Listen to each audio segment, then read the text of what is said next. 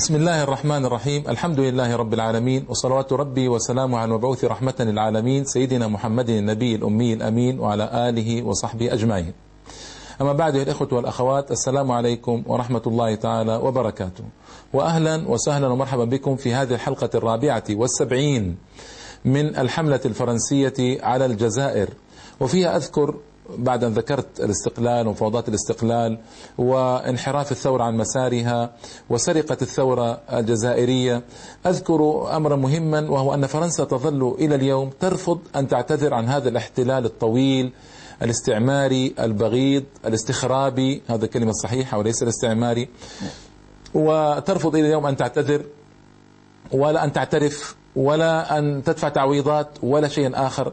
وهذا طبعا وراءه ما وراءه.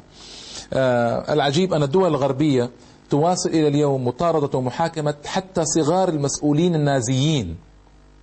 آه بعد انتهاء الحرب العالمية الثانية ب 60 سنة وتحت ضغط اللوبي الصهيوني وغيره تحكم عليهم بالإعدام والسجن المؤبد. وحتى بعد أن تجاوز المتهمون 70 عاما. وهذا يعني سخرت أيضا المخابرات الغربية إمكاناتها لاختطاف شيوخ في آخر العمر ونقلهم بالطائرات إلى إسرائيل حيث نفذ فيهم حكم الإعدام في مهرجانات شعبية مثل إخمن. وهو ما حصل بالضبط لبابون أيضا. آه طيب.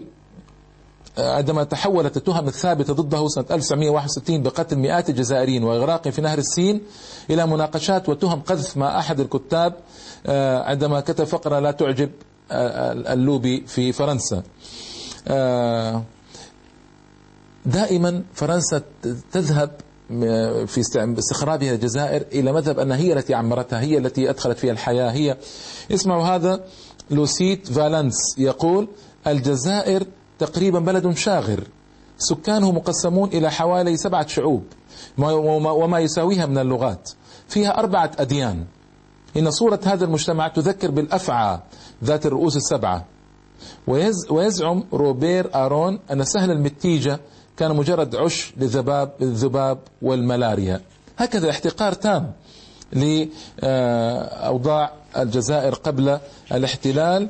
وهذا طبعا هو الذي يسوقهم إلى ما يسوقهم إليه من التهاون في قضية الاعتذار تهاونا تاما. كان من المفروض طبعا أن يؤدي هذا السجل الأسود سجل فرنسا في الجزائر إلى شيء من المطالبات من قبل الجزائر بعد الاستقلال أن يطالبوا بالاعتراف بالجرائم هذه الشنيعة. وإذا هذه جرائم حرب بكل المقاييس جرائم ضد الإنسانية بكل المقاييس لكن هذا لم يحدث بالقدر الكافي. مطالبات نعم حصلت مطالبات لكن ما حصلت بالقدر الكافي. متابعات قانونية يجب أن تكون هناك متابعات قانونية كبيرة يجب أن يكون هناك ضغط كبير على فرنسا من جميع الجهات السياسي سياسي واقتصادي ونخبوي صح التعبير أن يتحالف هذا الضغط جهات كثيرة من داخل الجزائر وخارجها حتى تقتنع فرنسا بالاعتذار وبالاعتراف ثم باعتذار ثم بالتعويض الذي لا بد منه. لا بد منه. نعم. في هناك قوانين دولية وقعتها فرنسا واستفادت منها هي في التعويض على جرائم الاحتلال النازي لأرضها لمدة فقط أربع سنوات. طيب؟ فاعترفت المجموعة الدولية بجرائم الحرب والإبادة والجرائم ضد الإنسانية. لأول مرة في المحكمة الدولية بمدينة نورنبرغ الألمانية سنة 1945 وحددتها المادة 6 سين من قانون المحكمة العسكرية الدولية بالأفعال التالية القتل الاستئصال الإبادي الاسترقاق التشريد. كل الأفعال اللا إنسانية ضد المدنيين قبل وأثناء الحرب. الاضطهاد لأسباب سياسية أو, أو عرقية أو دينية بغض النظر عن منعها أو إباحتها في القوانين الداخلية للبلدان المعنية. وقد صادقت الجمعية العامة للأمم المتحدة سنة 1367 1948 على المعاهدة الدولية للوقاية من جرائم القمع وأعمال الإبادة كما تبنت الجمعية العامة للأمم المتحدة في الحادي عشر من نوفمبر سنة 1970 إعلانا واضحا ينص على أن الجرائم ضد الإنسانية وجرائم الحرب لا تسقط بالتقادم. وتشمل انتهاكات قوانين الحرب الجرائم التالية استعمال الأسلحة السامة الكيميائية والجرثومية تدمير المدن والقرى والتخريب بدون مبرر عسكري قصف المدن والقرى والتجمعات السكانية غير المحمية نهب أو تحطيم أو الإضرار بمنشآت الدينية أو الخيرية أو المخصصة للتعليم نهب الممتلكات الخاصة أو العامة. فرنسا اقترفت كل هذه الجرائم. كل هذه الجرائم اقترفتها بل أضافت عليها مثل الجرائم النووية و... يعني ولا أحد في البلاد الجزائرية يطالب بالثأر من هذه الجرائم على أسس واضحة قوية. ما ما نسمع بالإعلام يمكن هناك بعض الناس يفعلون هذا لكن ما نسمع ضجيجا في الإعلام العالمي والعربي حول هذه القضية. إذا كان هناك جهود في الجزائر فلتظهر هذه الجهود لتتضح هذه الجهود لتذكر هذه الجهود حتى يثلج صدرنا. لأن القضية قد يعني هؤلاء إخوان مسلمون تعرضوا لما تعرضوا إليه في 132 سنة. وبالعكس يعني لم يصب فرنسي واحد بجرح واحد بسوء آه، بسبب ذلك. وهذا من كرم إخواننا الجزائريين ومن حسن طويتهم ومن جمال أخلاقهم. نعم. آه، ما سمعنا عن تعويض الأطفال الأيتام الذي يبيد أولياؤهم من قبل المنظمة الإرهابية الفرنسية أو إس. ولما سمعنا تعويض النساء الأرامل في مقتبل عمرهن بعد قتل أزواجهن وانتهاك أعراضهن في مهرجانات وحشية. ما سمعنا آه، صوتا من الفرنسيين يطلب العفو والمغفرة عن عن بحر الدماء والدموع الذي حاق بالجزائر. آه، لم يشهد أي رجل أو امرأة ممن بقوا على قيد الحياة بعد التعذيب الجسدي والعقلي وخرج من السجن أو المعتقل بنصف جسده أو عقله مسؤولا سياسيا آه، فرنسيا أو عسكريا فرنسيا يعتذر عما حدث من اعتداء على الحياة والشرف. على العكس تماما مما فعلته ألمانيا تجاه آه، إسرائيل وبولندا وما فعلته الولايات المتحدة عندما اعتذرت رسميا لشعب الشيلي بسبب تأييدها لحكم بينوشي لعشرين سنة تقريبا. آه لابد من تذكير الجاني بجرمه المشهود حتى لا يعتز بالإثم أو يتهرب من مسؤولياته التاريخية الجنائية ضد الإنسان والثقافة والمجتمع والأرض الجزائرية. حتى يطمئن شهداؤنا الأطهار وهم في جنان الخلد إن شاء الله تعالى بأن الحق يبقى حقا ولو خذلته القوة وأن الباطل يبقى باطلا ولو فرضته القوة. وتعرف الأجيال الجزائرية القادمة أن رجالا ونس رجال ونساء المقاومة وثورة التحرير الوطنية هم الأبطال الحقيقيون وأن جيوش الاحتلال الفرنسي وأجهزته السياسية والعسكرية وخبرائه ومرتزقته المحليين ليسوا أكثر من مجموعات مسعورة بلا شرف ولا ضمير روعوا النساء والأطفال وغدروا برجال آه، تربوا على العزة والحمية المعروفة. هناك صمت ساخط آه، على ما جرى من جرائم العدو بعد سنوات التحرير. وطبعا لابد لابد من العودة للمطالبة الكبيرة بهذه القضية. هنالك حالات فقر شديدة اليوم في الجزائر ومنذ أمد طويل يعني منذ بعد ما بعد مرحلة ما بعد الاستقلال تسبب بها تسبب فيها فرنسا.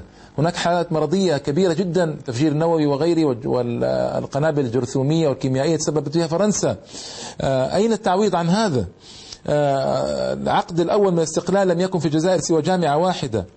أكثر أساتذتها من الأجانب. آه، طيب وأين أين متعلمو الجزائر؟ كانوا قليلين وقليلين جدا بعد احتلال دام أكثر من 130 سنة. آه، طيب. وطبعا هنالك الجرائم آه، هذه هذه الجرائم الكبيرة. على شدتها وقوتها وصعوبتها على الجزائريين انظروا كيف بررت. اولا قالوا إن غزو الجزائر ليس عدوانا حربيا بل كان بدعوة من السكان لتحريره من حكم الأتراك العثمانيين ونحن نعلم أن هذه كذبة. قالوا ثانيا إن الجزائر مساحة جغرافية فارغة لم يكن لها ابدا دولة وليس فيها مجتمع. ثالثا إن فرنسا المتحضرة تقوم في الجزائر بمهمة إنسانية هي تمدين تمدين من المدنية يعني الأهالي البرابرة والمتوحشين. إن فرنسا توجد في جزء من ترابها إن فرنسا توجد في جزء من ترابها وأن كل ما يحدث في أقاليمها ومشؤونها الداخلية. خامسا أن الحرب القائمة ضد الانتفاضات المتتالية هي مجرد عمليات محدودة للتهدئة.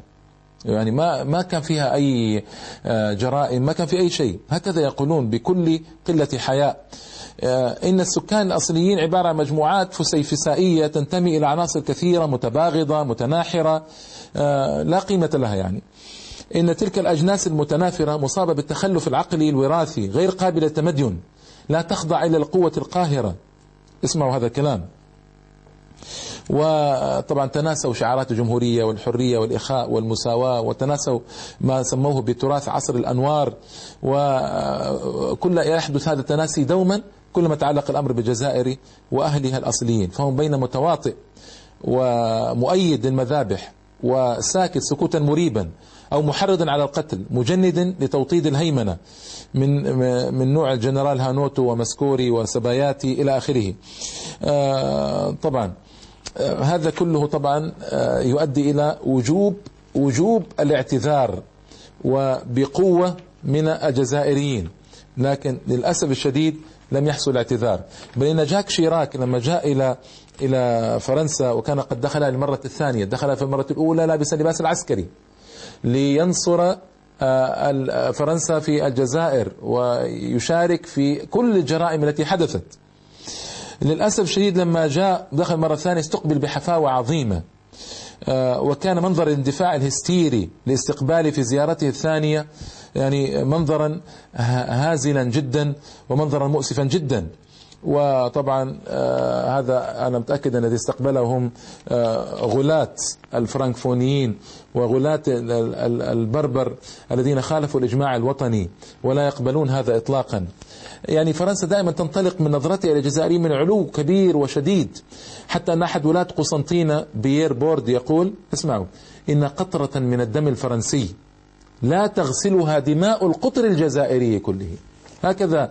اذا ينطلقون من هذه النظرة العلوية من هذه النظرة الاحتقارية من النظرة الاستخرابية المعروفة آه، من قبل دول الغرب. ولم يبتلى بذلك شعب الجزائر فقط بل ابتلي كل الشعوب العربية والإسلامية تقريبا بهذه النظرة الاحتقارية شديدة الاحتقار. ساركوزي جاء وزار فرنسا. طيب آه، عندما جاء آه، ماذا قال؟ آه، قال آه، نعم كلاما طويلا مهما آه، سأذكره لكم. ذهب الرئيس الفرنسي ساركوزي مذهبا بعيدا عندما ساوى بين قتلى فرنسا على أيدي مقاتلي جيش التحرير وبين الجزائريين ضحايا جيش الاستخرابي الفرنسي حيث قال لا يمكن أن أنسى أولئك الذين سقطوا حاملين السلاح ليستعيد الشعب الجزائري حريته.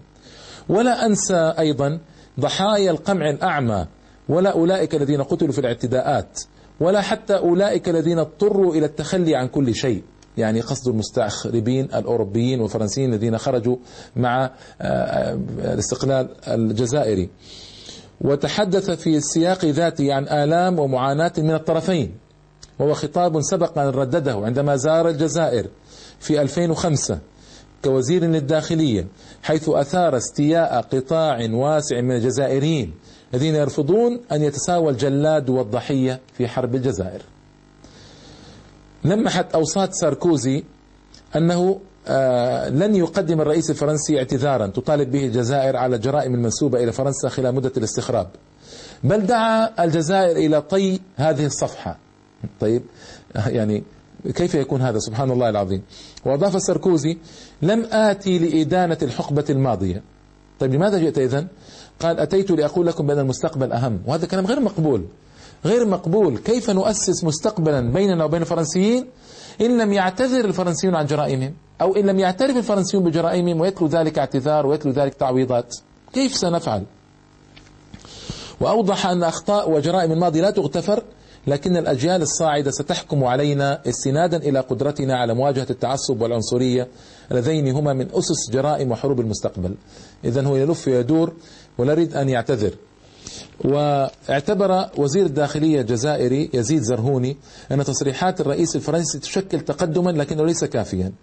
وكان للصحف الجزائرية الصادرة بعد زيارته موقف مغاير إذ كتبت صحيفة ليبرتي نحتاج إلى جهد إضافي آه، يا أيها الرئيس حول ماضي فرنسا الاستخرابي هم يقولون استعماري وأنا أفضل كلمة استخرابي. وأشارت صحيفة الوطن من دون مواربة إلى تملص ساركوزي. تملصه من الاعتذار. و آه، جاءت صحيفة الوطن آه، عوضا عن الاعتراف الصريح.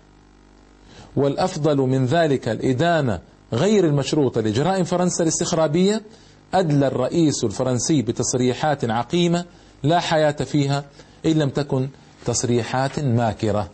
يعني يعني يريد فيها أن يلف ويدور حول المسألة حتى لا يقع في شرك آه، في شرك الاعتذار في ظنه يعني هو. آه، حاول ساركوزي أن يتدارك موضوعا يعرف أن الجزائريين سيثيرونه معه. خلال الزيارة ويتعلق بالاستخراب الفرنسي الذي دام 130 سنة بل أكثر آه، في الجزائر.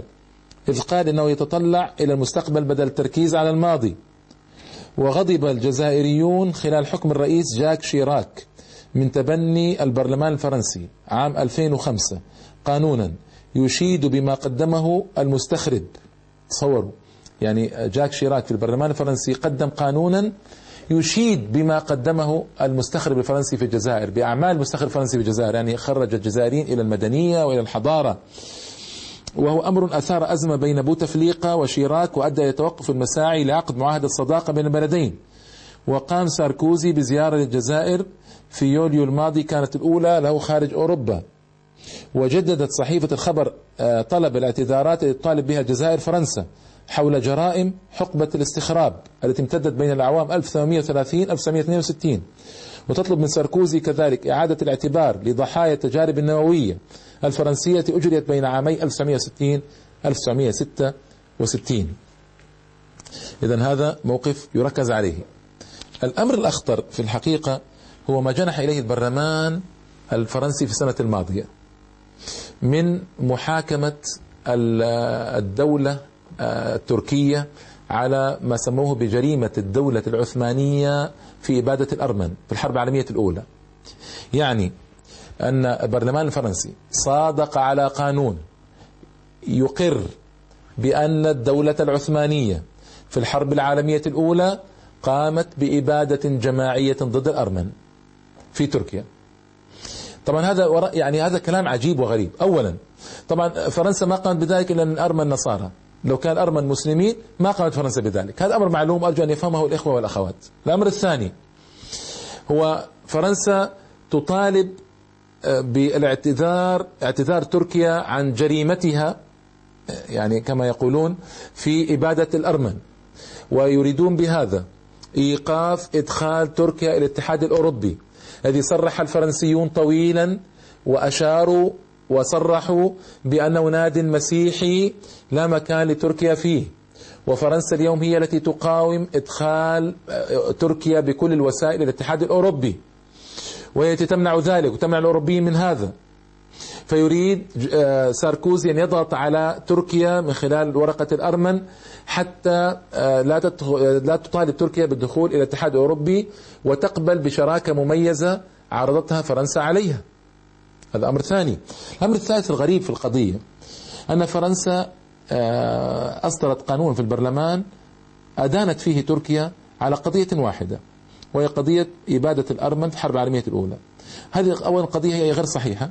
الأرمن كانوا شوكة في جنب وحلق تركيا طوال آه، المدة الماضية الحرب العالمية الأولى وما قبلها طبعا كانوا يتعاونون مع الروس. مرارا وتكرارا في ضرب الدولة العثمانية كان الأرمن مواقف مشبوهة كثيرة جدا. أنا لست بصدد الحديث عن قضية الأرمن لكن أقول أن الأرمن يعني كان له مواقف سيئة وسيئة جدا ضد الدولة العثمانية. ثانيا هذا الرقم الذي ادعوه رقم مبالغ فيه ومبالغ فيه جدا. آه، كما بولغ في الرقم اليهودي آه، في ألمانيا وجرى ما جرى من وراء هذه المبالغات. لكن العجيب الذي لا أستطيع أن أجد له تفسيرا أن فرنسا تطالب تطالب آه، تركيا بالاعتذار. طيب أي عن حادثة واحدة.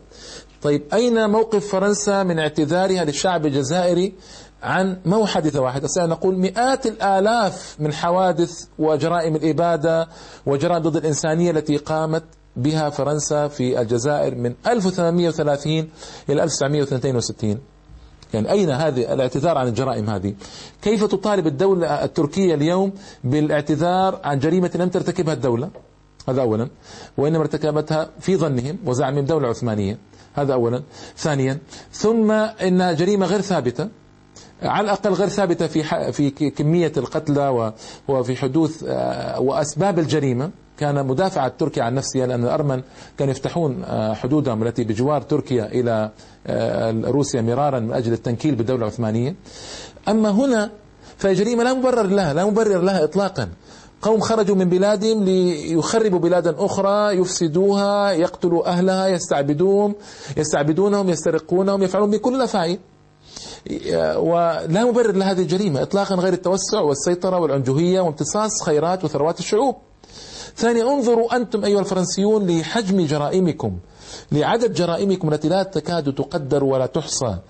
أنا أوردت هذه الجرائم في أربع أربع وسبعين حلقة الآن وكان يمكن أن أوردها في 200 حلقة 300 حلقة لولا خشية التطويل. لكني أوجزت إيجازا كبيرا جدا في عرض الحملة الفرنسية على الجزائر. فحملة دامت 132 سنة تعرض في 74 حلقة.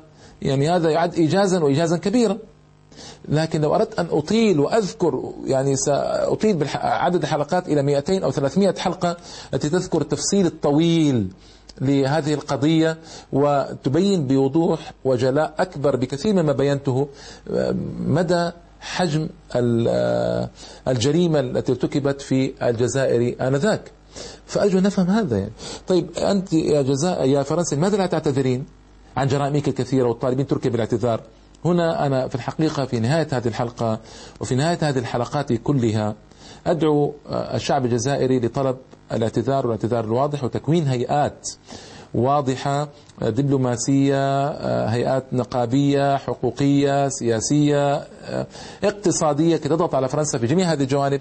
حتى تضطر فرنسا إلى الاعتراف ثم الاعتذار ثم التعويض بمبالغ محترمة لكل من لقي حتفه في في الجزائر على يد فرنسا أو لكل من شوهت سمعته أو لكل من آه، ترك أيتاما وأرامل وثكالى أو لكل من آه، آه، أوذي وسجن طويلا في فرنسا أو في الجزائر فهذا أقل حقوق الشعب الجزائري على فرنسا. هذا ما يتعلق بالاعتذار. أريد أن أختم هذه الحلقة بذكر نقاط سريعة أولاها أنه كما حصل الأمل الكبير بطرد المستخرج الفرنسي وإخراجه من الجزائر إلى غير رجعة إن شاء الله تعالى نحن نأمل اليوم بإذن الله تعالى أن ينجح إخواننا الفلسطينيون في آه، استرجاع بلادهم من جديد. ونفرح من جديد معهم إن شاء الله تعالى في بلاد المطهرة المقدسة الرائعة الجليلة التي نحلم كلنا بالصلاة في بيت المقدس إن شاء الله تعالى يوما آه، فيها وبأن آه، نفرح وأن نقول مع الفلسطينيين آه، يا محمد مبروك عليك فلسطين رجعت لك كما قال الجزائرون يا محمد مبروك عليك جزائر رجعت لك. ونفرح أيضا بخروج المستخرب الصليبي من العراق وإرجاع العراق لأهلها إن شاء الله تعالى.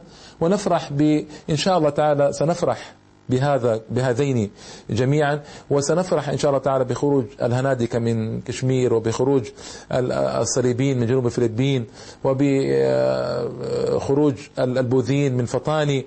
وسنفرح بذلك كله إن شاء الله تعالى. سنفرح بخروج الصليبيين من أفغانستان وتسليمها لأهلها ولمن هم أحق الناس بها أولى الناس بها. سيفرح العالم الإسلامي بكل ذلك. هذه عقيدة عندي وإيمان ويقين يبشر به جملة من المبشرات الكثيرة. وسيكون هذا إن شاء الله تعالى في القريب العاجل بإذنه وتوفيقه وفضله جل جلاله. ويومئذ يفرح المؤمنون بنصر الله ينصر من يشاء وهو العزيز الرحيم. وعد الله. لا يخلف الله وعده. ولكن أكثر الناس لا يعلمون يعلمون ظاهرا من الحياة الدنيا وهم عن الآخرة. هم غافلون. يا أيها الذين آمنوا إن إذا لقيت فئة فاثبتوا واذكروا الله كثيرا لعلكم تفلحون. وأطيعوا الله ورسوله ولا تنازعوا فتفشلوا وتذهب ريحكم واصبروا إن الله مع الصابرين. الأمل الكبير الذي كان في ذهن, ذهن وعقل وقلب وروح الجزائريين مدة طويلة من الزمن في أن تستقل بلادهم آه، وجدناه قد تحقق إلى الحمد. فالأمل يجب ألا يغادرنا أبدا بعودة بلادنا ومقدساتنا من جديد في فلسطين والعراق وغيرها.